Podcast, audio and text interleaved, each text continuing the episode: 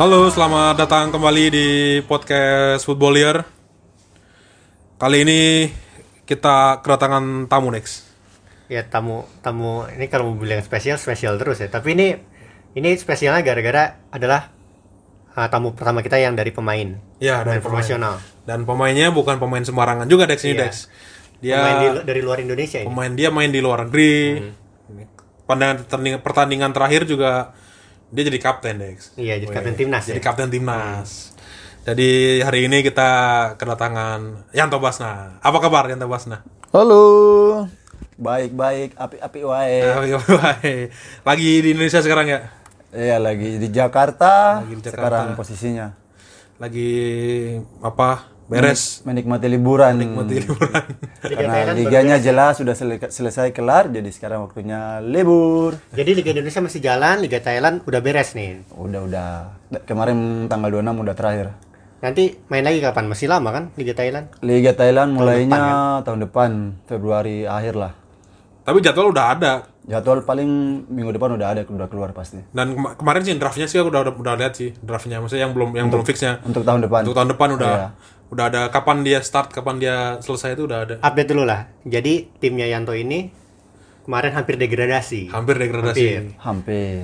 Hampir degradasi. Dia hampir degradasi karena ada pemain yang melakukan gol bunuh diri deh. Iya. Dia jadi ada pemain yang mau gol bunuh diri, Tapi habis itu dia membayar kesalahannya. membayar kesalahannya. Dengan mencetak gol. Dengan mencetak gol. Lawan. Om, siapa itu pemain tuh? ya, Kira-kira. Itu dia berasal dari Papua. ya kemarin saya kita udah main udah pertama pertama unggul 2-0. Jadi enggak, enggak, sorry sorry. Jadi apa buat yang belum tahu ini yang dengerin.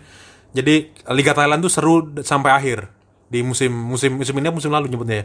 Musim musim ini. musim, Musim ini, ini. ya. Musim ini eh, Kesebelasannya itu sebutlah. Sukota FC. Jadi Sukota FC Sukotai. Sukota FC itu lagi berjuang di zona degradasi. Jadi di bawah juga lagi perang tuh, perang. perang Yang di atas juaranya juga perang perang juga tuh juaranya tuh. Juara siapa tuh yang terakhir? Chiang Rai. Chiang Rai. Akhirnya di apa? Beda satu poin kalau nggak salah ya. Beda poinnya sama hanya beda ini, Ada ada be- beda gol ya. beda golnya aja. beda golnya jadi emang itu Dex ketat banget lah nah di pertandingan terakhir eh, Sukotai main tandang Ah, main tandang. main tandang di mana Penentuan. penentuan Kalau kalah degradasi. Kalah degradasi. Jadi ya mau tidak mau harus menang. harus menang Lawan siapa itu? Kita lawan kemarin Nakon Racasima. Dan itu main tandang apalagi kan Apa Itu- main tandang lagi. itu rasanya berarti wah deg-degan banget udah kayak final kan ibaratnya Makanya kemarin makanya main partai kemarin tuh wah habis-habisan kemarin. boleh diceritain nggak dikit gimana mulai dari apa pertandingan terakhir lah yang akhirnya menegangkan itu Ya karena memang tidak ada pilihan lain selain menang ya pemain semua bersemangat dan kami ketika memulai pertandingan kami unggul 2-0 di babak pertama. Terus begitu masuk lawannya juga saingan sama kita. Dia juga kalau kalah bisa-bisa degradasi karena menunggu penentuan di tim lain juga. Jadi Oke. kalau tim lain menang, dia degradasi. Aha. Tapi kami babak pertama unggul, pas babak kedua mereka balas dua gol. Ya karena saya, saya juga kem- kemarin apa namanya kurang beruntung saya eh, gol bunuh diri. jadi itu skornya babak pertama 2-0 habis itu di babak kedua Ah. yang yang 2-1 itu 2-1 itu saya gol bunuh diri terus babak kedua mereka tam eh terus selang 4 menit mereka tambah satu gol lagi. Waduh, itu Dua berarti sama. dua sama. Itu tegang banget betul. Aduh, Itu rasanya gimana tuh? Udah mentalnya maksudnya pemainnya udah panik kan karena dua sama nih. Ah. Terus Yang kau bunuh diri gol keberapa? gol 2-1. 2-1. Terus dua sama. Ya karena memang saya rasa bersalah jadi saya harus mati-matian gimana caranya nebus itu. Minimal menang lah. Tapi jalan 3 menit terus pas bola pelanggaran eh, saya golin jadi 3-2. Jadi semua semangat terus jalan 7-8 menit kita balas lagi eh, isi isi lagi jadi 4-2. Jadi Sudah. 4-2. Skornya bertahan sampai 4-2 menang. Oh ini ada kartu merah itu kapan kejadiannya? Lawan. Itu pas menit akhir karena mereka udah susah golin. Oh, akhirnya frustasi ada Terus sempat lihat cuplikannya juga sih Dek. Jadi emang apa kayak berantem gitu kan. berantem. Berantem panas. Jadi ya, dia ini provokasi, akhirnya dapat kartu kuning, eh, kartu merah dia, kartu kuning kedua. Ini menariknya Liga Thailand nih di pekan terakhir semuanya mainnya bareng. Nah, Eh, Nggak menarik sih sebenarnya. Menarik gara-gara di Indonesia jarang kayak gitu. Kalau di Thailand mah ya karena pasti semuanya itu partai penentuan semua yang Penentuan. juara dengan yang degradasi, jadi nggak beda hari supaya sama nggak- semua. Supaya nggak ada main-main. Fire, ya. ah, jadi ya semua TV pertandingan tuh disiarin semua. Jadi kalau Indonesia kan cuma ya satu dua TV, Mhm. ya gitu yang disiarin. Tapi kalau di sana ya memang semua pertandingan disiarin. Jadi begitu pel- apa wasit menurunkan peluit udah langsung pesta semua. Semua. Jadi orang-orang Thailand tuh ada yang nonton 4 HP gitu berjejeran. jadi ya se- semua hasil ini menentukan. Jadi Ya, jadi dia kadang mereka 4 HP gitu berjejer untuk nonton klubnya mereka dengan penentuan yang Tim lain. lawan tim gitu. lawan. Oh iya nih poinnya sama tuh. Poinnya sama, hanya beda go ini. Beda, eh, Tapi kemarin Nakon apa Racasima itu nggak jadi degradasi ya? akhirnya nggak jadi jadi degradasi degradasi, ya. karena tim yang satunya kalah. Hmm. Terus Chiang Rai kan menang dari itu akhirnya tim Supanburi Supan Buri degradasi. degradasi ya. Tapi tadi berita infonya eh, klubnya Victor Bonevo dia um, PT ya. PT Terayong mundurin diri soalnya masalah finansial. Hmm. Akhirnya yang tadi klub uh, Supanburi nggak jadi degradasi dia naik lagi Liga 1. Gitu. Nah, itu gimana suasana ruang ganti waktu itu? Karena kan itu apa? Ibaratnya kayak juara tanda kutip kan. Oh itu gila itu pemain bayangkan jadi kita kembali ke Sukotai dari Nakon Racasima itu sekitar 8 jam. Itu dari malam itu dari Nakon Racasima 7 jaman itu nggak berhenti tuh apa acara gitu dalam bis itu. Oh lagu Nyanyi terus apa nyanyi gitu-gitu. gitu. Ya seakan-akan seperti juara lah. karena kalau klub Sukotai ini uniknya karena dia setiap tahun uh, hampir hampir degradasi partai penentuan kayak gini terus. Oh, Tapi tahun ini yang paling paling ini dek- dek-dekan. paling deg-degan ini. Makanya pemain asing yang udah bertahan 2 3 tahun di situ mereka sampai ada macam rasa terbeban. Pas sudah lolos dari degradasi degradasi ada yang menangis, ada yang senang happy lah. Karena bisa selamatin tim gitu. Nah, sampai di Sukotai di ada kalau di sini kan biasa disambut ada yang sambut sambut Di sana? Kalau di Sukotai tidak sih karena kita sa- sampainya juga kan sudah subuh ya pagi-pagi. Udah sampai udah masing-masing langsung uh, balik ke apa apartemen masing-masing. Terus besoknya udah libur kan dikasih libur Nah, kalau kan udah dua musim berarti kan di Thailand. nah At- eh, jadi gini deh, gue yang yang apa? Yang timnya yang dia lama, yang di Konken, Yang logonya dinosaurus itu? ya Ah. T-Rex. Tyrex Nah, gue sempat datang sana tuh, Dex. Jadi gue eh, beruntung lah pernah datang ke sana tuh. Bahkan gue datang ke tempat latihannya. tempat latihan Tempat latihan, gue tempat latihan ikut ikut bis, ikut Ah. bis main. bareng sama-sama Nah, jadi gue gua pernah pernah tahun berapa? Tahun lalu berarti kan? tahun lalu Tahun lalu musim lalu. Nah itu atmosfernya sih kan bukan bermaksud untuk merendahkan Thailand ya karena sepak bolanya dia jauh lebih bagus dari kita. Cuman kalau dari atmosfer supporter sih gue ngerasa wah jauh deh situ. Indonesia menang ya. Indonesia masih menang lah gitu. Nah cuman itu kan kemarin karena gue ke sana karena dia di Liga 2 Hmm, nah ini kan Nah, Liga kan dia nih. dulu apa musim lalu kan eh, Konken ada di Liga 2, terus nyaris nyaris promosi kan. Ah. Nah, nyaris promosi habis itu hampir hampir promosi. nah, yang musim ini ya, yang Tabasna pindah akhirnya ke Sukotai. Sukotai. Nah, suasana atmosfernya masih sama-sama kayak Konken dulu atau beda? suasananya ya kalau di Thailand kurang lebih tidak terlalu inilah Ham- tapi kalau Liga 1 lebih ketat jadi atmosfernya agak sedikit ini dengan tekan eh, apa dengan presurnya jadi kita bermain di- apalagi pemain, pemain asing ya harus memberikan maksudnya pembeda di tim lah jadi ya tekanan pasti ada Ya jadi kan- karena di sana statusnya pemain asing berarti kan ya. iya Ya. Itu diasingkan. beda, beda. Beda tekanannya dengan pemain lokal gitu. Iya sebenarnya beda juga karena ketika berada di level Liga 2 dengan Liga 1 pasti berbeda ya kualitas pemain asingnya. Jadi bagaimana kita bisa bersaing terus dari Liga 2 ini pemain lokal Liga 2 dengan Liga 1 itu juga berbeda. Makanya bagaimana ketika pindah ke Liga 1 harus adaptasi cepat terus ya namanya pemain asing jadi harus memberikan kontribusi lah untuk tim. Kalau nyaman, ny- lebih nyaman kota, suasana kotanya lebih nyaman di Konkain dulu atau di Sokotai? Kalau kotanya ibaratnya tuh kayak Sukotai itu kayak seperti Tenggarong, Tenggarong sama, sama dengan Samarinda. Jadi kalau apa kota Sukotanya lebih kecil, jadi ya bagus kalau menurut saya untuk simpan uang apa gitu. Jadi tidak ada kota tidak ada mall-mall besar gitu. Jadi Nggak belanja nggak belanja ya. kalau di Suko- Sukotai itu kota tua, jadi eh, sedikit info bahwa kota Sukotai itu eh, adalah ibu kota pertama Thailand 600 tahun lalu. Hmm. Nah, terus mereka dari Sukotai, ibu kotanya pindah ke Ayutthaya, Ayutthaya sekarang ke Bangkok. Jadi Bangkok adalah ibu kota ketiga. Jadi kita tuh ada adalah kota kota tua jadi turis di situ banyak jadi peninggalan di situ lah semua Oh, jadi nggak banyak mall nggak ada air jadi ya hidup enak aja tenang enak kalau mana makan kain. Kalau ini ya saya lebih nyaman di Sukhothai karena bisa simpan uang ya. Uang tidak keluar ke mana-mana. Tapi nggak bosan kok. kalau bosan sih saya biasa sudah biasa sendiri. Jadi ya ketika di mana pun ya saya bisa adaptasi. Nah kalau misalnya kalau di dulu di Konken Dex eh, ada mahasiswa Indonesia. Siapa namanya? Lupa kayak oh namanya Faisi Faizi oh Faizi itu ada anak ba- soulmate-nya dia itu. Dia dari dari Aceh kalau nggak salah ya. Ah kalau kalau di sini di sini Sukhothai Konken itu dia ada universitas terbesar kedua di Bangkok. Itu kan kota besar. Aha. jadi anak-anak Indonesia banyak di sana. Hmm, makanya enak ya? Enak. Tapi kalau di Sukhothai ada juga anak-anak Indonesia tapi beda kota. Itu sekitar 45 menit. Eh, Pisanulok namanya. Hmm. jadi saya kalau mau ke anak-anak Indonesia saya 45 menit ke kota seberang. Di situ ada mall jadi kita bisa belanja sedikit-sedikit lah. Jadi bisa ada anak-anak jadi ada si itu orang Bandung jadi ya dekat. Namanya juga saya dulu main mama apa mantan pemain Persib. Jadi dengan mereka dekat gitu. Nah itu kan kalau dari apa dari segi atmosfer di luar lingkungan kan. Nah kalau soal menghadapi lawan, kalau di Thailand kan berarti Liga 1 tuh levelnya gila-gilaan.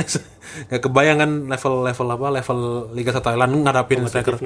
Nah di awal-awal Sukhothai waktu pindah kan Yanto pernah ada agak struggle juga kan berwak apa lebih sering di duduk di panggung cadangan. ah, Nah itu akhirnya sampai kemudian di Dipercaya. dipercaya lagi menjadi pemain inti kan akhirnya. Nah. Itu apa yang terjadi di awal-awal sampai kemudian bisa jadi pemain inti? Sebenarnya kalau di- dari awal ya saya mungkin uh, bukan bermasalah sebenarnya tapi mungkin karakternya tidak terlalu cocok dengan pelatih.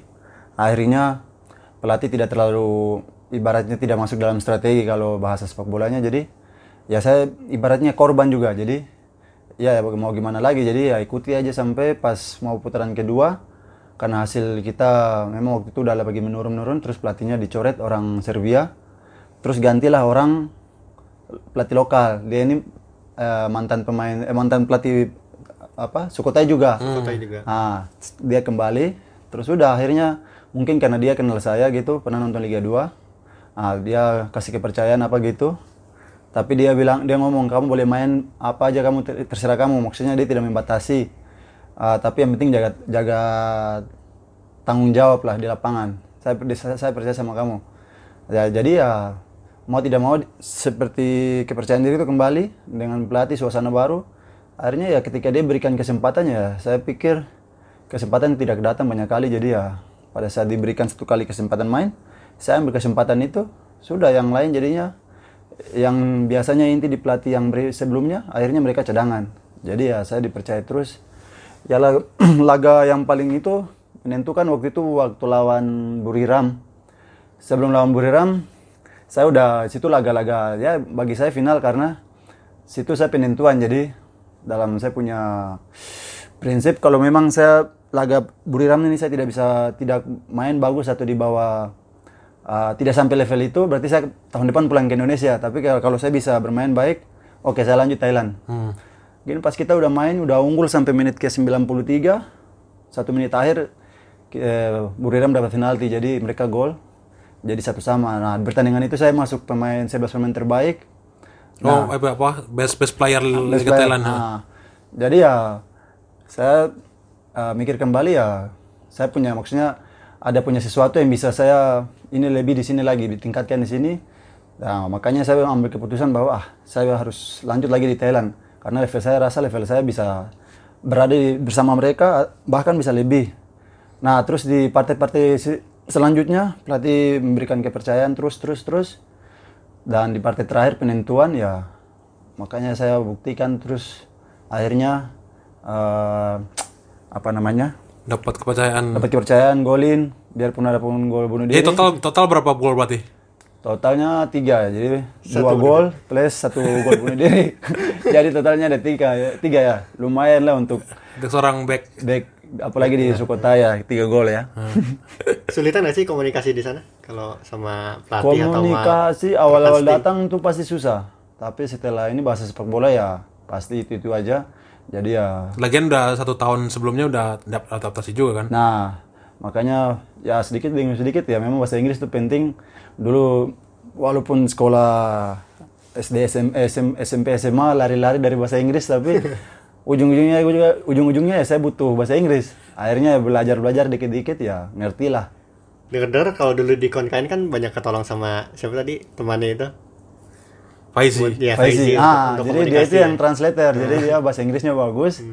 Terus jadi saya kalau mau ngomong apa gitu, dia yang ini ngomong ke pelatih, saya bawa dia dia yang ngomong. jadi untuk translator. Jadi ya gitulah. Ada penolong-penolong juga ya. Tapi kalau kalau kalau udah dua tahun di sana kan berarti udah dua, tahun sekarang. Berarti udah campurannya bukan sama bahasa Inggris dong harusnya sama bahasa Thailand, Thailand, Thailand dong.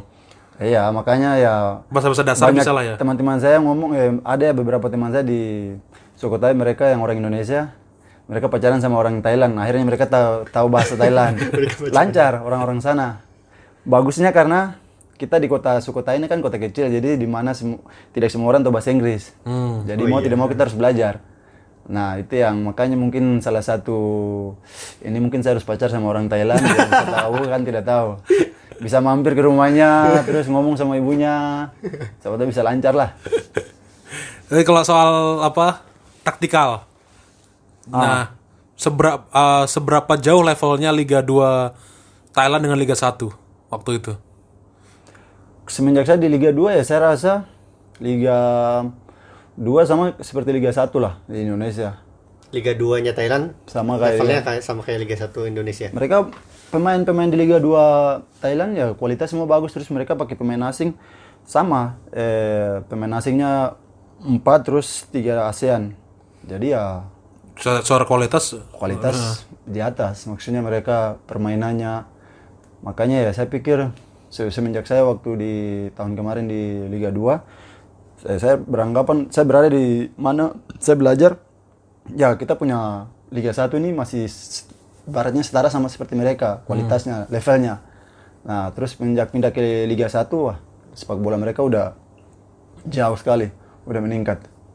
Makanya waktu di apa dibandingkan bahkan timnasnya terus di level klub juga di level klub kan di Asi- eh, Liga Champion Asia mereka bisa bersaing kan. sampai Korea apa gitu kan jadi mereka udah mereka lawannya udah bukan ASEAN lagi deh. Jepang ya Asia mereka Mereka la- lawannya udah udah Asia tuh. jadi udah agak-agak apa?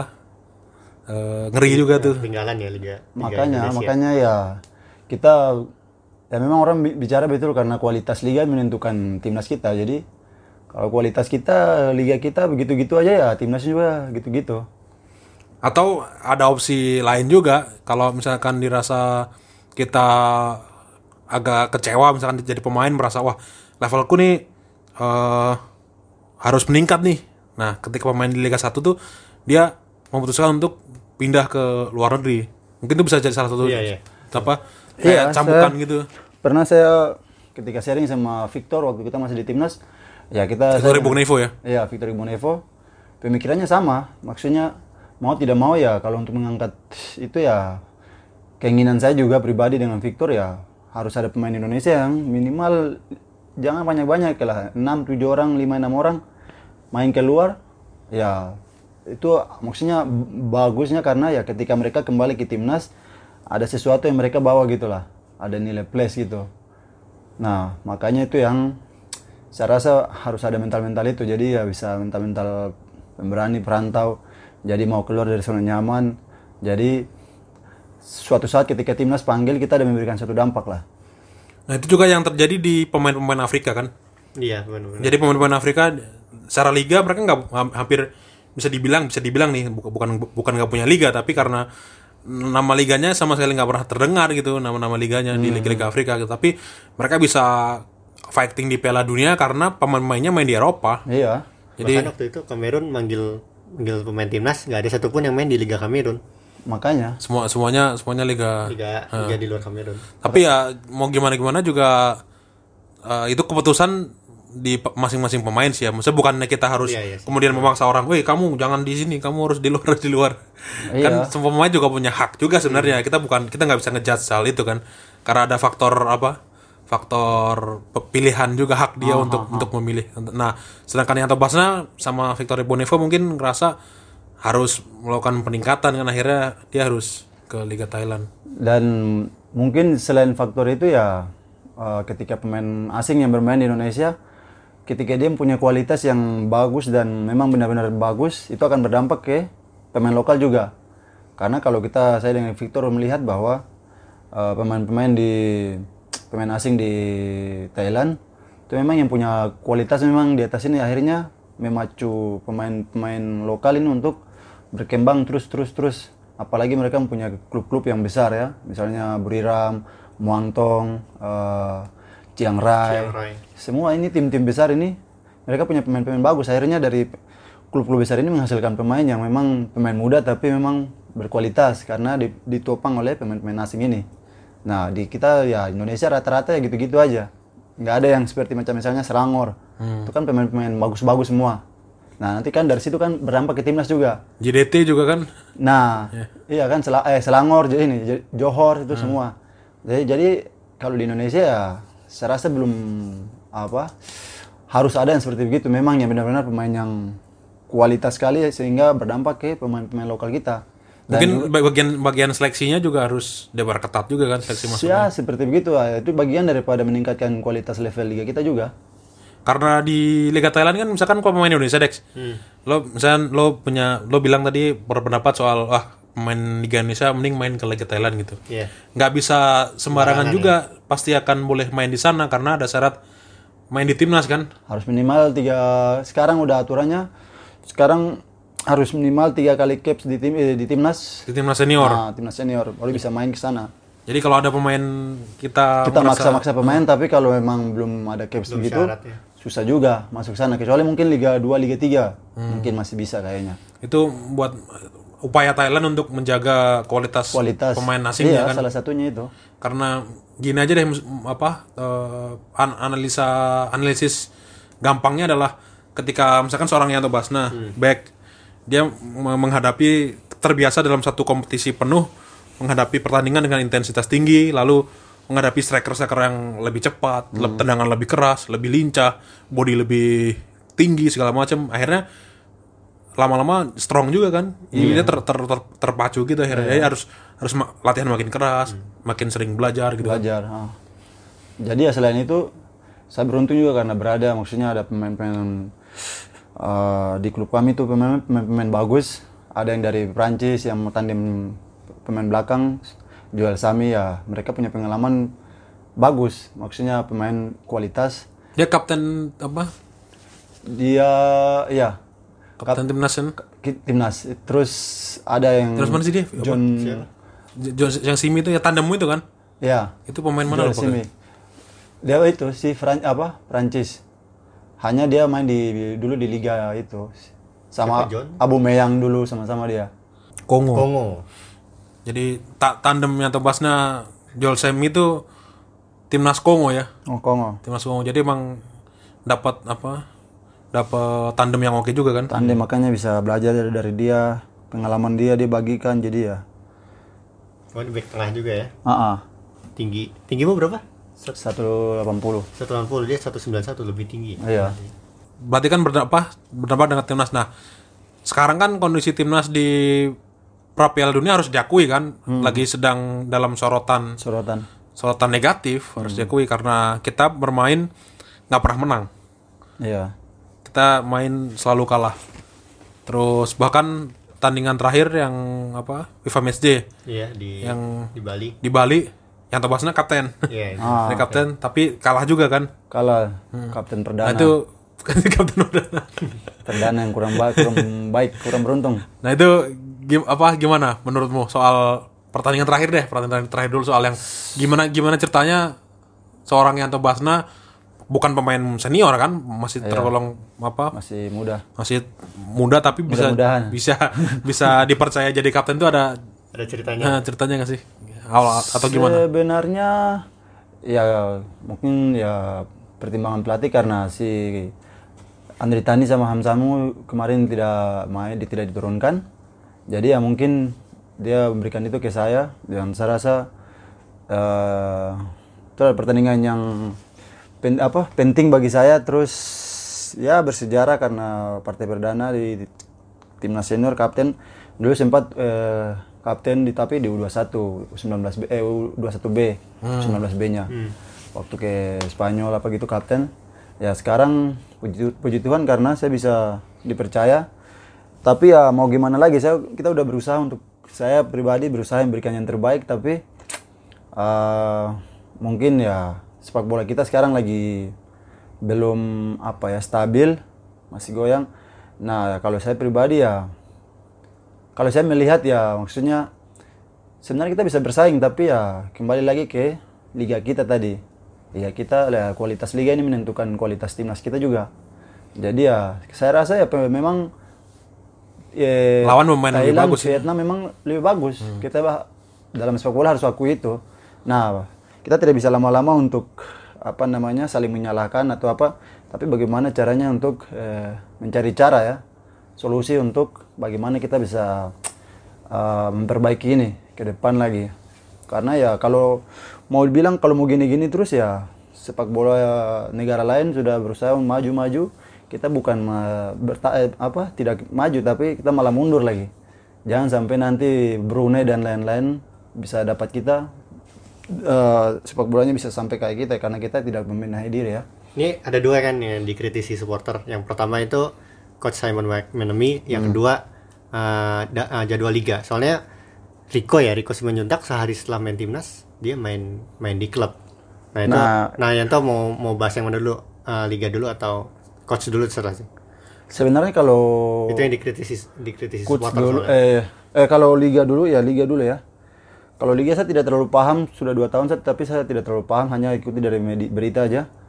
Tapi kalau setelah saya di timnas ya memang jadwal mungkin tidak diatur dengan baik akhirnya bertabrakan atau bentrok dengan timnas.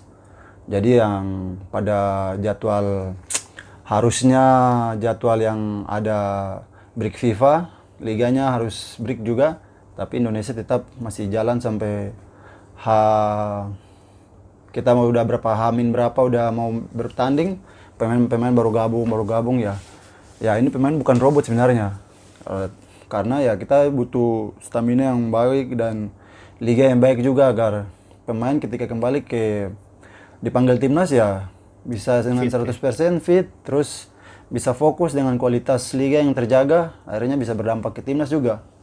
Makanya ya saya rasa kembali ke federasi ya untuk mungkin bisa membenahi ini merespon cepat lah Kalau untuk coach Simon gimana? Nggak, sorry, apa aku potong dulu sebelum ke Coach Simon.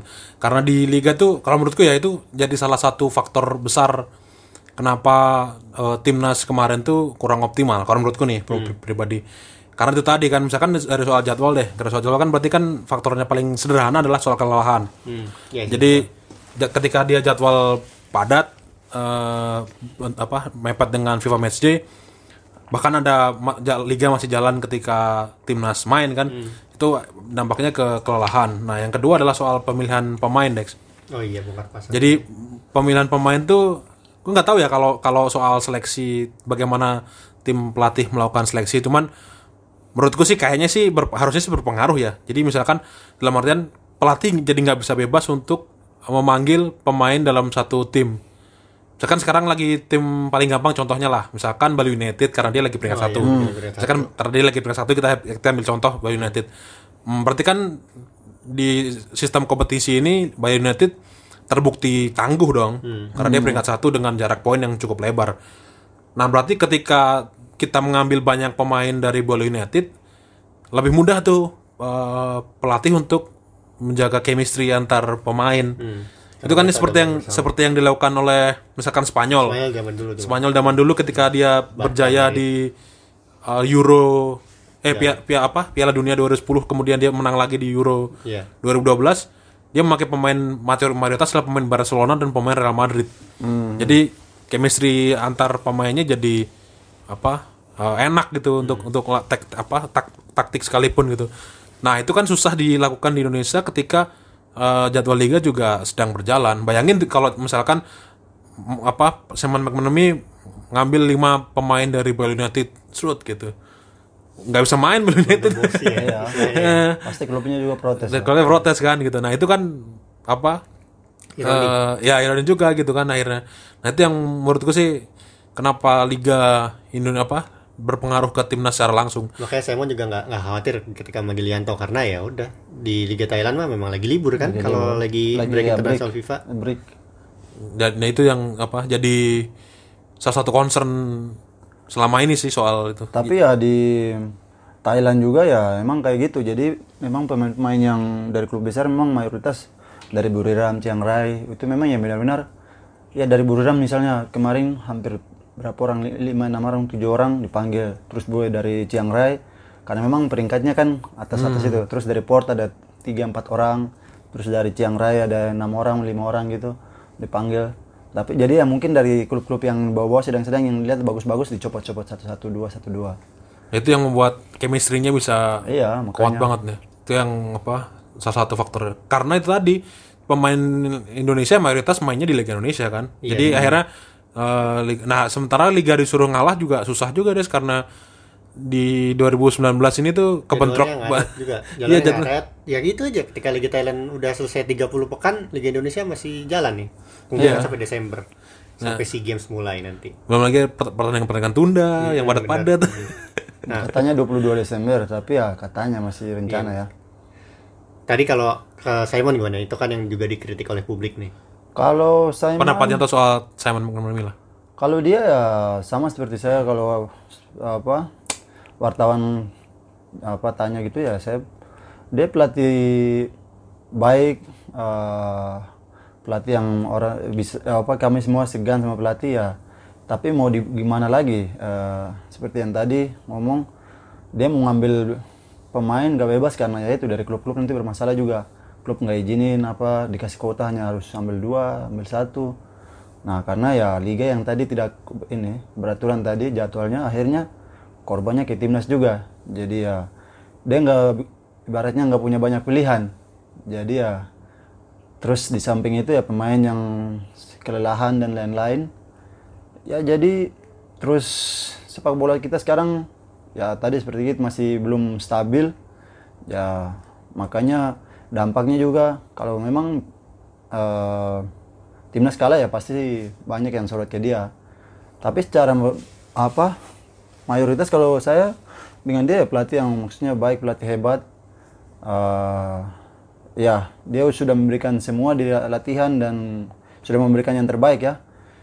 Tapi ya semua mungkin masih belum Berjalan apa, sesuai rencana berjalan sesuai rencana dan ya coba kita coba lagi ya. Maksudnya gagal berapa kali ya kita harus coba-coba terus. Tapi dia ya salah satu saya senang karena eh, dia bukan karena dia mainin saya Jadi kapten. kapten dan maksudnya ma- biasa sering mainin. Tapi ya kalau dia secara keseluruhan ya kita ibaratnya bekerja sama pelatih pemain bekerja sama pelatih kadang-kadang sesudah kerja sama pelatih kita jadi musuhan karena hubungan tidak harmonis. Tapi kalau kita ketika eh, contohnya kalau bekerja dengan Simon kita ketika berhenti kerjasama dengan dia kita mau bisa jadi teman jadi tidak bermusuhan jadi itu ya so- eh, sifat sosok yang sangat baik ya saya rasa dia pelatih hebat lah tinggal mungkin kita menunggu waktu aja boleh Nah, next match kan lawan Malaysia, tuh, Malaysia. tandang lagi kita. Ah. Gue beli, udah beli tiketnya untuk awas kalau kalah. nah itu makanya datang harus pakai baju Malaysia Aduh jangan. Siapa tahu mereka kacau kan. So, kemarin kan diserang di, di- tapi ya eh, mau mau gimana lagi mereka datang Malaysia datang ke Indonesia ngambil poin terus besok kita ke sana ya kita harus ngambil poin mau tidak mau ya harus ibaratnya mengobati luka masyarakat Indonesia jadi tidak ada cara lain ya kita harus benar-benar fight untuk eh, membawa poin sekalian oleh hadiah lah di akhir tahun ini ya karena ini pertandingan akhir ya akhir tahun ini jadi ya Malaysia mereka pasti siap eh, 100% ya kita, kita harus siap 200% mau tidak mau Nah, saya mau nanya spesifik ke waktu lawan Uni Emirat Arab. Kan Ah. itu Simon kan manggilnya itu seminggu ya sebelumnya ya. Iya, iya. Gara-gara untuk adaptasi itu ngapain aja sih? Oh ya, Kalau bisa diceritain. Apa ini? Sorry sorry. Jadi yang belum tahu waktu menjelang lawan Uni Emirat Arab itu tuh persiapannya kalau menur- menurutku sih panjang ya toh. Jadi Hmm. kenapa dia seminggu sebelumnya udah datang ke sana gitu? Itu kan agak panjang ya kalau dilihat Iya, dari iya. itu kan. Dia biasanya kan apa datang ke negara lain maksimal tiga hari lah tiga hari sebelumnya kan nah hamin itu tiga. kemarin seminggu itu apa yang dilakukan Simon McNamee dan tim kenapa sampai harus seminggu Eh, kemarin kan saya langsung ke nyusul ya, karena saya ada pertandingan juga masih ada pertandingan terakhir sebelum break itu, jadi saya nyusul. Tapi sesuai rencana ya kita ada uji coba ya. Pas sampai itu terus kita ada uji coba lawan klub lokal udah diatur.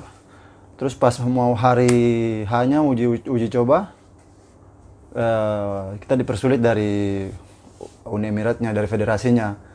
Federasinya ngancam ke klub itu kalau uji coba mereka dikasih sanksi. oh Akhirnya nggak ada uji coba. Terus kita uh, mau latihan di lapangan itu, lapangan itu di cancel bermasalahin sama federasi. Akhirnya kita cari lapangan tuh harus jauh lagi tiga jam, dua jam keluar itu lagi harus terus cari dapat lapangan yang jelek lagi gitu mereka kasih lapangannya. Nah jadi ya secara tidak langsung bukan alasan atau apa ya faktor-faktor ini yang mempengaruhi juga sebenarnya ya. Jadi ya apa yang Simon sudah atur yang bagus, yang baik, maksudnya yang baik, tapi ya tidak berjalan mul- eh, sesuai rencana ya. Ya jadi ya kita latihannya kita ganti latihan dengan latihan eh, kerjasama, latihan teknik, eh, strategi dan teknik. Terus pemain-pemain itu kan ada yang berapa nyusul tuh pemain yang masih ikut Iya pertandingan. di Liga Ya. pertama Liga 1 ya. Amin tiga mereka nyusul ya mau gim- mau, mau gimana lagi tidak bisa paksakan mereka untuk latihan keras harus recovery terus latihan ringan-ringan terus masuk pertandingan. Tapi memang sulit kondisinya di Uni Emirat Arab panas atau apa kemarin gitu. panas oh, memang pengap sekali. Tapi ya sebenarnya bukan alasan sebenarnya sih. Maksudnya sudah apa namanya memang panas. Hanya kita kemarin udah ya menurut saya bermasalahnya ketika kita udah mau masuk babak kedua selalu hilang fokus. fokus selalu hilang fokus babak pertama kita udah mulai itu udah ya udah kontrol kontrol kontrol. Tapi ya fokus itu yang hilang kadang-kadang gitu tuh yang makanya itu menjadi pelajaran ya. Maksudnya kita harus bagaimana cari solusi itu selain faktor itu tadi faktor non teknis yang di luar lapangan tadi kan. jadi ternyata ada cerita tersendiri tuh soal kenapa sampai seminggu di sana dan itu nah makanya kita datang kan persiapan dan ternyata nggak bagus tapi sesuai sama nggak itu ya. sesuai. Rencana ya. Nggak sesuai rencana.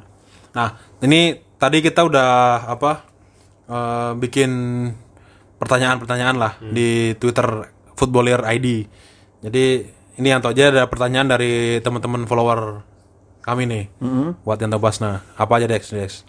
Kalau kita balik lagi sih tadi udah ini juga. kita bacakan.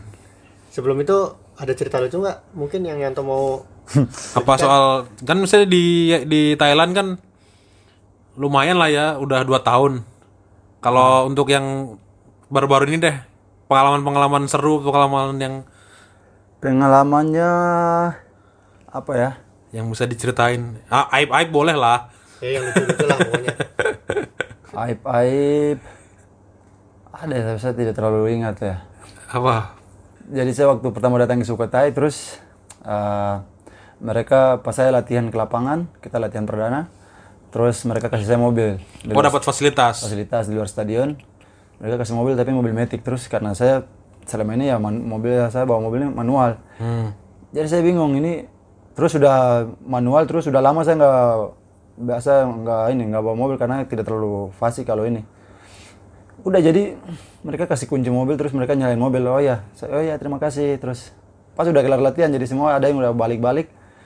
Terus udah saya jalan. Jalan terus saya mau mampir di tempat makan restoran sama parkir sama matiin apa mobil terus mau ke restorannya terus restorannya tutup terus saya mau balik ih ini gimana cara nyalain mobil ini gila waduh itu saya pusing terus Ken- kenapa nggak bisa karena karena kuncinya diputar nggak bisa atau gimana Iya, saya muter kuncinya nggak, ya sama aja. Terus mau apa, engine-nya juga nggak bisa. Ah, Ini gimana lagi? Saya udah pusing, keringat juga karena ini pemain terus ada pemain asing lewat terus karena lihat mobil saya, jadi mereka dia stop di samping. Eh, mau ikut saya makan tidak? Terus saya bilang di mana? Bilang di kota, di situlah di tengah-tengah kota. Saya bilang, ah duluan aja nanti saya ini, saya lagi tunggu teman. Ternyata ini saya lagi cari, cari cara untuk nyalain ini si mobil. Dia bilang, ayo, ayo, ayo sudah, sama-sama. Kamu ikut saya dari belakang lah. Saya bilang, ya duluan, duluan. Saya lagi tunggu 5 menit lagi. Kamu duluan aja, nanti saya nyusul. nanti kamu ini ya share lokasi ya kirim di line ayo jadi dia ini ternyata udah curiga kalau saya ini nggak bisa bawa mobil. Jadi dia mau nunggu nunggu saya paksa paksa terus saya pura pulang pura pura angkat telepon terus menjauh dari dia. Karena dia karena, karena dia percaya sudah dia jalan. Saya lain ya dia sampai di sana dia lain. Lokasi. lokasi dia tunggu lama. Eh di mana? Ayo kita udah pesan makan ini. Saya karena saya udah malah hati. Akhirnya mau tidak mau saya cari wifi gimana caranya. Saya cari wifi ternyata dapat terus saya hubungi ke Indonesia ke abang saya di sini. Ke teman. ah ke abang saya tanya eh ini gimana cara nyalain mobil Matic ini? Dia ah kok parkir di mana? Pinggir jalan ini. Udah sejam tunggu tunggu tunggu nih. Terus langsung itu coba kau sudah apa engine-nya udah pencet? Sudah ini sudah berkali-kali ini kunci putar-putar juga nggak bisa. Coba injak itu si injak rem itu coba injak rem baru nyalain engine Pas, oh sabar sabar sabar jangan matiin ya. Masuk tik. Oh bisa. bisa bisa bisa bisa bisa aman aman aman. Jadi lupa lupa dipencet apa eh, remnya. remnya harus injak dulu terus engine nah terus udah gitu saya parkir ma- kita makan sama-sama terus. Saya tidak pulang sama-sama mereka naik ini. Terus saya pura-pura telepon lagi jalan biar ini saya mau tunggu mereka pemain asing ini pulang dulu terus saya telepon ke Indonesia lagi tanya ini tadi gimana? Saya lupa soalnya jadi udah saya telepon ulang itu injak rem dulu oh iya iya iya injak injak rem engine udah jalan ah dari situ udah mulai terbiasa lah jadi aman Jadi aman. Oh iya kalau di Thailand tuh mereka komunikasi biasa pakai line ya. lain sana Kalau kebanyakan kan WhatsApp lain dan Facebook jadi jarang WhatsApp dengan IG itu jarang Makanya di Instagramnya yang Basna isinya orang Indonesia semua. Isinya orang Nggak ada Indonesia. nggak ada orang Thailand karena Oh orang Thailand main Instagram ya. jarang jarang makanya di Instagramnya Sukata juga sepi juga kan. Komennya isinya Indonesia semua. Nah, jadi sekarang kita ini Dex ya, berarti pertanyaan dari netizen. Coba udah pilih belum nih? Belum sih. Coba beberapa pilih-pilih dong, pilih dong. Ini nih dari Dirgantara Aji. Ini juga yang banyak ditanya nih. Kalau ada tawaran bermain dari klub Liga 1 apakah bakal diterima atau tetap pengen main di Thailand? Liga satu mana Jepang atau? Liga 1 Indonesia. oh. Liga 1 Aduh, kira Jepang. Ini orang udah melangkah maju kok malah disuruh mundur. Ya apa ya klub banyak sih maksudnya. Yang tertarik banyak ya? sudah yang hubungi hubungi juga udah banyak hanya ya mau gimana lagi sih maksudnya apa ya saya udah punya target ya saya harus sampai Jepang jadi nggak itu nggak ada harga tawar menawar lagi jadi saya ya. Kalau misalnya dikasih kemampuan jadi fighting terus lah ya di luar negeri. ya sejauh ini ya saya belum ada pemikiran untuk balik. Tapi ya sudah ada beberapa klub yang tawar. Mungkin nanti mungkin pertimbangan dari orang tua saya juga biasa. Kalau mau milik klub kan harus pertimbangan dari ibu saya juga dari adik-adik saya juga. Kita runding bersama baru saya bisa ambil keputusan gitulah Nah, kemarin kan sempat rame tuh di Instagram gara-gara foto bareng tuh Dex Iya. sama pemain-pemain Persebaya. oh teman-teman lama sama kakak Ruben, kakak Ruben ada satu kakak Ruben pakai jersey Persebaya. Terus habis itu ada teman-teman dari Persebaya itu foto. Itu ada cerita khusus nggak itu? itu ya namanya juga Evan Dimas Hansamu ya itu teman-teman dulu seperjuangan terus ke- karena kebetulan persebaya kan yang kapten kakak Ruben jadi ya karena ya terus persebaya sama Apa jangan-jangan dari ada tawaran dari Persebaya Dex nih? Iya ada nggak? ada maksudnya mereka udah tawar udah dari putaran kedua sana juga eh, awal putaran pertama dan kedua tapi ya mau gimana lagi saya masih ya sabar tuh karena ya di Liga Thailand kan kemarin masih udah masih bergulir jadi ya saya masih apa namanya masih fokus ke Thailand masih fokus ke Sukhothai jadi ya saya nggak bisa kasih jawaban jadi saya masih fokus ke saya punya kontrak jadi saya harus selesaiin kontrak itu. Ah, tapi ya dari karena Persebaya juga ya dengan Persib soulmate ya. Nah, Iya soulmate. jadi ya saya karena mantan dari Persib juga jadi ya dengan Persebaya ya, saya tetap ini berseba, berse- bersahabat lah. Respect lah ya, tetap komu- respect. ya, komunikasinya tetap jalan apa gitu ya tidak menutup kemungkinan suatu saat ya. Kita tidak tahu. Ya kalau bisa suatu saat kita bekerja sama ya kenapa tidak? Jadi begitu ya. Surabaya juga eh, kental dengan anak-anak Papua jadi tidak ada masalah sebenarnya. Surabaya Bandung. Ini ada pertanyaan lagi nih ya, dari Aldi. kalau bisa milih duet back tengah di timnas, milihnya milih sama siapa? Kalau duet di timnas ya tergantung dia nggak ada kasih pilihan dia. Kasih pilihan. Enggak, enggak. Kalau saya sih ya Sendiri. Jangan itu Dex, lu jangan sampai bikin tiba-tiba ada perpecahan di timnas gara-gara pertanyaan. pecahan. Bahaya. Tapi ya, dulu sewaktu saya masih apa SD masih sekolah ya namanya kita anak Papua pasti Persipura ya eh, supporter Persipura mania ya satu sosok yang saya senang waktu itu eh, Bio Pau eh Bio eh, Victor Victor eh, Victor Ibonevo ah ya saya senang karena sekarang saya bisa mengikuti jejak dia juga ke Thailand Ah, Ya karena kita waktu masih kecil jadi ya dia adalah pemain sosok idola juga. Sampai sekarang ya ketemu gitu tetap saya menganggap dia sebagai idola, hormat kepada dia, respect apa gitu ya. Ah, saya pernah ngomong sama dia, aduh semoga suatu saat kita bisa bermain sama-sama gitu. Oh, karena karena dari awal udah emang mengidolakan kan. Dari, memang dari kecil udah idolakan terus ya supaya apa masyarakat juga tahu bahwa ya nomor 32 juga saya ambil dari dia juga. Nomor Memang 32 karena di ya, mana? Di di Sukotai. Oh, Makanya saya ng- ngambil dari dia 32 ya cocok. Saya udah pernah ngomong juga sama dia. Saya bilang kakak saya pinjam nomor 32 ya. Oh iya dah, pakai aja nggak apa-apa. Kemarin di timnas juga saya pakai 32 terus pas mau uji coba saya bilang kalau ini kakak mau 32 ambil aja nanti saya ganti nomor. Dia bilang tidak tidak. Eh, saya senang juga karena ada yang mau apa meneruskan nomor saya juga jadi ya. Saya oh iya terima kasih jadi makanya biasa satu kamar apa begitu dia orangnya ini ya luar biasa maksudnya baik eh, ramah di dalam luar lapangan dia banyak memberikan masukan pelajaran ya jadi di kamar sering tuh ini bertukar pikiran gitu saya lebih banyak mendengar dari dia karena ya dia punya pengalaman makanya banyak hal yang saya ambil dari dia lah luar biasa dia Kalau soal nomor punggung dulu demennya nomor 13 kan? Itu ada alasannya nggak? 13 iya karena dulu katanya 13 kan angka Sial. sial jadi saya mau coba aja jadi ya ketika udah ke Thailand ah 13 waktu itu ada yang udah pakai udah saya 32 jadi ya itu saya pakai 32 Tapi cuman- 13 dia di waktu di Mitra Kukar jadi pemain terbaik. Iya, jadi pemain terbaik. Piala Jenderal Sudirman kan ya? Iya tidak menutup kemungkinan mungkin kalau balik ke Indonesia 13 lagi ya. Supaya bisa pemain terbaik lagi ya. Ini ada pertanyaan dari Batistuta nih, namanya namanya Batistuta. Eh, gimana nih gimana caranya Batistuta supaya namanya? homesick?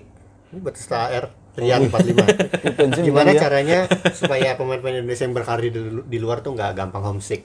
Ya kan Yanto kan udah dua tahun nih di Thailand. Eh, sebenarnya Apa bukan dua, nggak homesick? bukan dua tahun, saya kan sudah dari Uruguay SAD kan. Jadi udah tiga tahun di Uruguay. Ya dari usia 15 15 ya udah keluar. Makanya ya saya udah terbiasa sebenarnya sih. Makanya kalau lebih memilih di luar ya saya resiko untuk eh, pilihannya kalau memang kalau mau maju saya keluar ya saya ambil risiko untuk maju. Jadi saya tetap keluar. Kalau itu sih kembali ke pribadi masing-masing ya. Jadi kita tidak tahu ada banyak kita setiap manusia ini kan punya sifat yang berbeda-beda. Jadi ya kalau tapi banyak pemain Indonesia saya ajak-ajak juga susah untuk ke luar ya main keluar padahal ibaratnya saya udah ke sana ada perantaranya jembatan. Kalau mau ayo. Ini ini ada agen dan ini ini. Kalau mau ayo.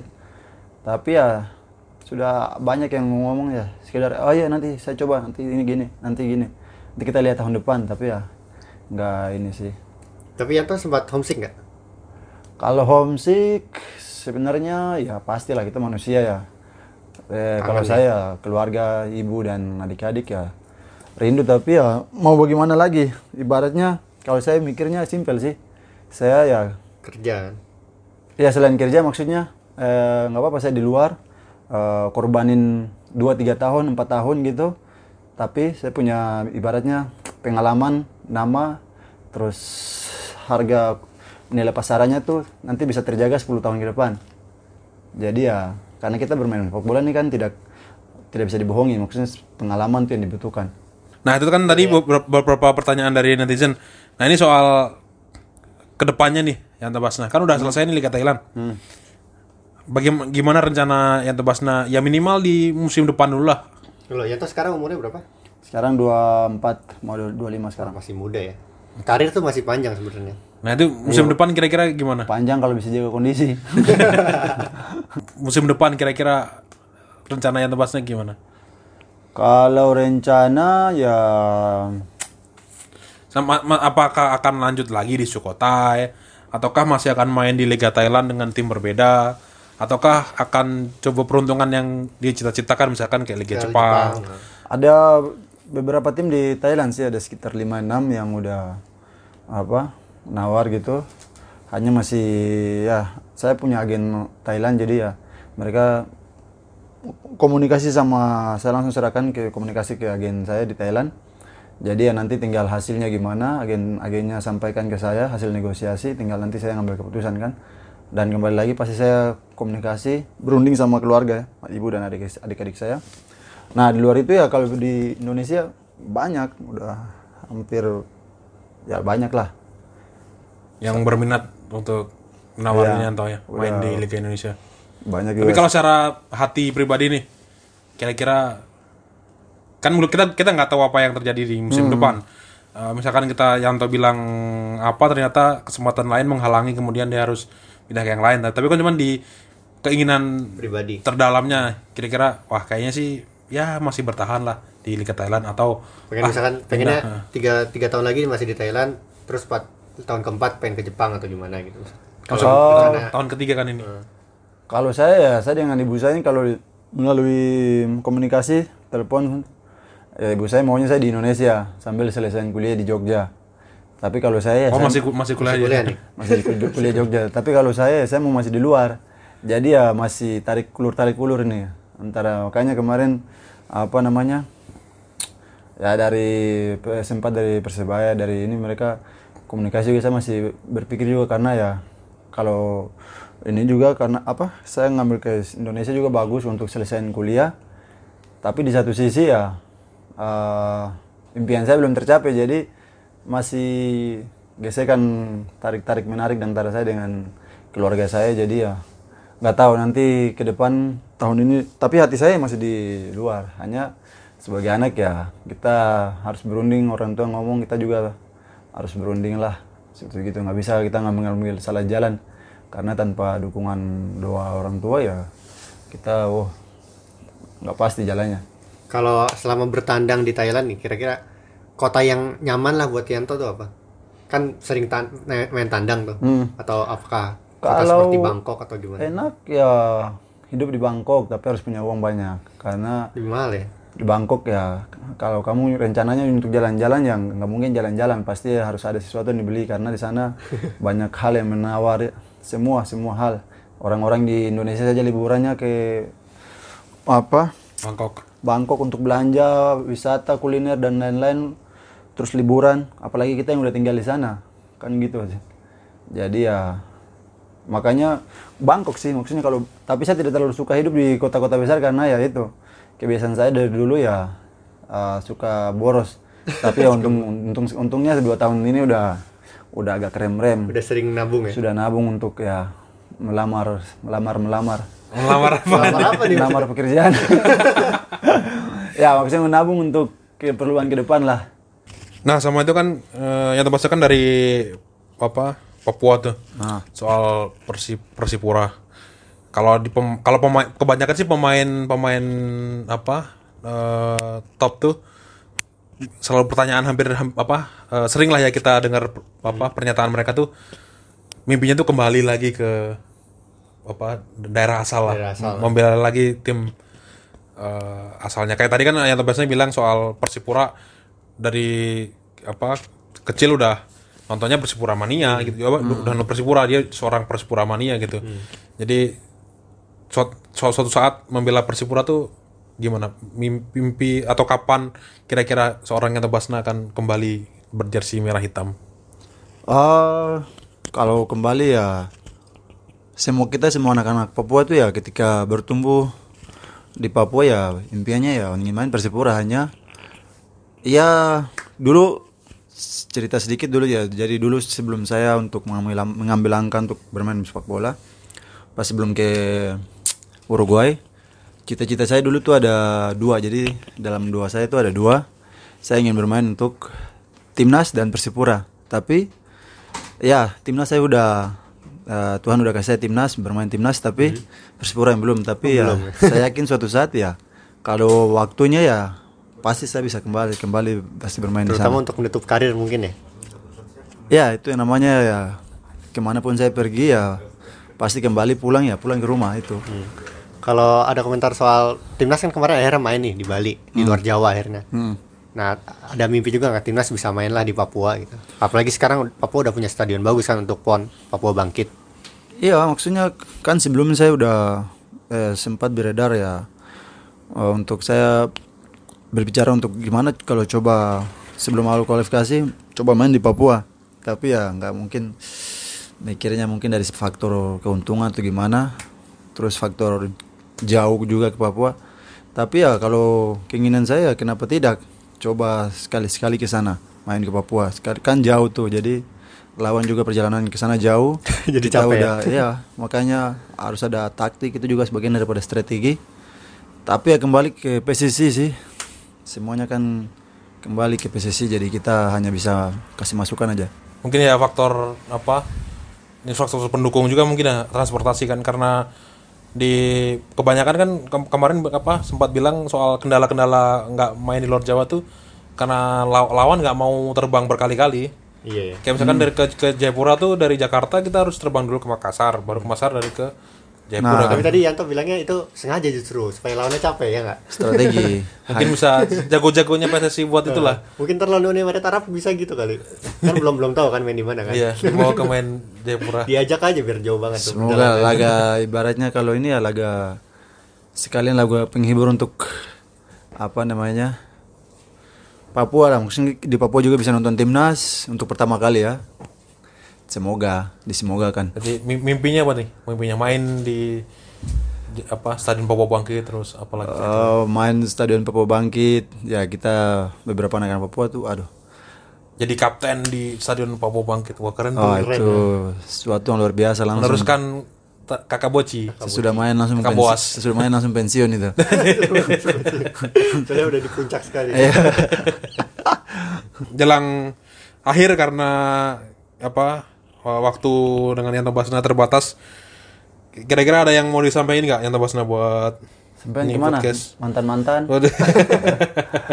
ya Nggak buat supporter timnas Indonesia yang mengharapkan kebangkitan. Nah, kita jangan ngomongin sepak bola lo, lo- apa secara luas dulu lah ya. Soal ya timnas Indonesia atau kalau mau bahas sepak bola Indonesia juga boleh lah. Testimoni testimoni.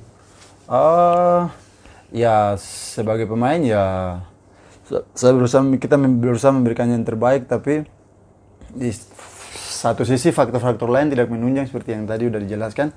Jadi ya alangkah baiknya mungkin kita dari federasi sampai liga-liga ini liga kita ya kita harus benahi untuk eh, menjadi apa namanya kebangkitan sepak bola Indonesia ya. Karena negara-negara di luar Indonesia, negara-negara tetangga bagaimana sekarang mereka berlomba-lomba untuk memajukan sepak bola mereka.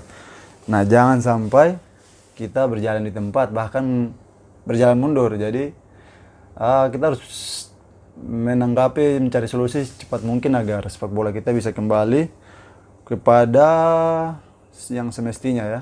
Maksudnya harus berjaya kembali dan kita pemain Indonesia kita sebagai pemain tetap membutuhkan bantuan eh bantuan supporter dukungan eh, doa agar kita bisa kembali ke pada masa kejayaan itu. Itu yang tebasnya for PSSI. Ya. Ada Mau kira- Untuk PSSI deh. Bentar lagi kongres. Saya udah kalau udah lama main bola bosan saya udah nggak mau nggak mau urus bola. Saya masuk politik aja jadi. Nggak karena dia itu, dia DPR. dia apa sempat kutanya Dex, Dex, eh, kenapa ngotot banget sama kuliahnya kan tadi satu dia bilang kuliah katanya pengen jadi menpora dia. Iya bisa siapa tahu suatu saat presiden ngangkat saya jadi menpora. Wah, luar biasa. Oh, jadi ke menpora mau kalau dari kota PSSI nggak mau katanya. Bosan ngurusin bola. Ah, terus ya satu lagi ya yang paling penting dari saya ya anak maksudnya kita jangan pemain Indonesia ber- eh, harus berani membuat apa mimpi setinggi tingginya maksudnya ya itu buat pemain muda yang baru kan. Ya. pemain muda iya pemain muda ya maksudnya untuk bermimpi setinggi mungkin. Jadi ya jangan selalu patokan untuk hanya main di liga sini, di liga. Jadi ibaratnya kita hanya berada di rumah terus hanya melihat di dalam rumah aja. Jadi nggak boleh nggak mau keluar rumah kita hanya melihat dari jendela. Oh liga ini ini gini gini. Kita tapi kita harus berani keluar. Jadi kita bisa merasakan suasana baru, lingkungan baru. Jadi ada banyak hal yang bisa kita ambil di luar dan saya bukannya melarang atau mel- eh, membuat apa ya melarang ya melarang lah. Maksudnya untuk pemain kita pemain muda untuk bermimpi bermain di Eropa. Tapi ya bagaimana ya kalau mau ke Eropa ya kita harus melewati tahap itu tahap itu. Jadi harus ya minimal bisa misalnya ke Malaysia Thailand itu semua kan ada batu loncatan. Jadi kita step ya kita dari TK tidak mungkin langsung naik ke SMA jadi TK bisa SD SD SMP dan SMA jadi ya makanya harus melalui fase-fase itu. Jadi kita harus melalui tangga-tangga itu. Makanya ya kita harus bermimpi ya kalau mau ya kita coba. Kalau mau keluar ya ada di Malaysia di Thailand kenapa tidak coba? Jadi ketika banyak pemain yang keluar merantau keluar akhirnya ya berdampak ke timnas juga. Timnas terus ke karir pribadi karena pengalamannya berbeda karena ya ketika kita bermain keluar ada banyak hal yang kita ambil di luar kita bisa datang bisa berdampak untuk timnas untuk sepak bola Indonesia lah seperti itu Terima kasih Yanto Basna sudah berkenan siap meluangkan waktunya untuk footballier. Eh, sukses untuk karirnya ke depan. siap amin Terus semoga nanti Yang terdekat sukses untuk lawan Malaysia ya. lawan Malaysia karena dia sekarang lagi recovery dulu ya, lagi recovery, lagi istirahat. Terus berarti ar- agenda terdekat main lawan Malaysia dong berarti ya. Karena klub udah beres. klub udah libur Nah, jadi lawan Malaysia. Menang lah ya, harus ya, menang lah ya. Menang. Iyalah. harus berapa Nanya berapa? milih aja berapa berapa aja klasmen yang penting menang. berapa yang penting menang Ya, terima kasih eh, saya Mildan Daru Gue Dex Leniza. dengan bersama Yanto Basna. Tapi atlet. Izin untuk pamit dan jangan lupa eh, follow Spotify kami, klik tombol follow. Boleh juga untuk di Instagram dan Twitter di @footballeradi. Kalian boleh komen, boleh berbagi pengalaman juga atau mungkin ada kritik dan usulan dipersilakan. Dadah. Bye bye. bye bye Saudi Cup Ini adalah suara pandit komputer. Terima kasih telah mendengarkan. Jangan lupa share ke teman-teman kalian.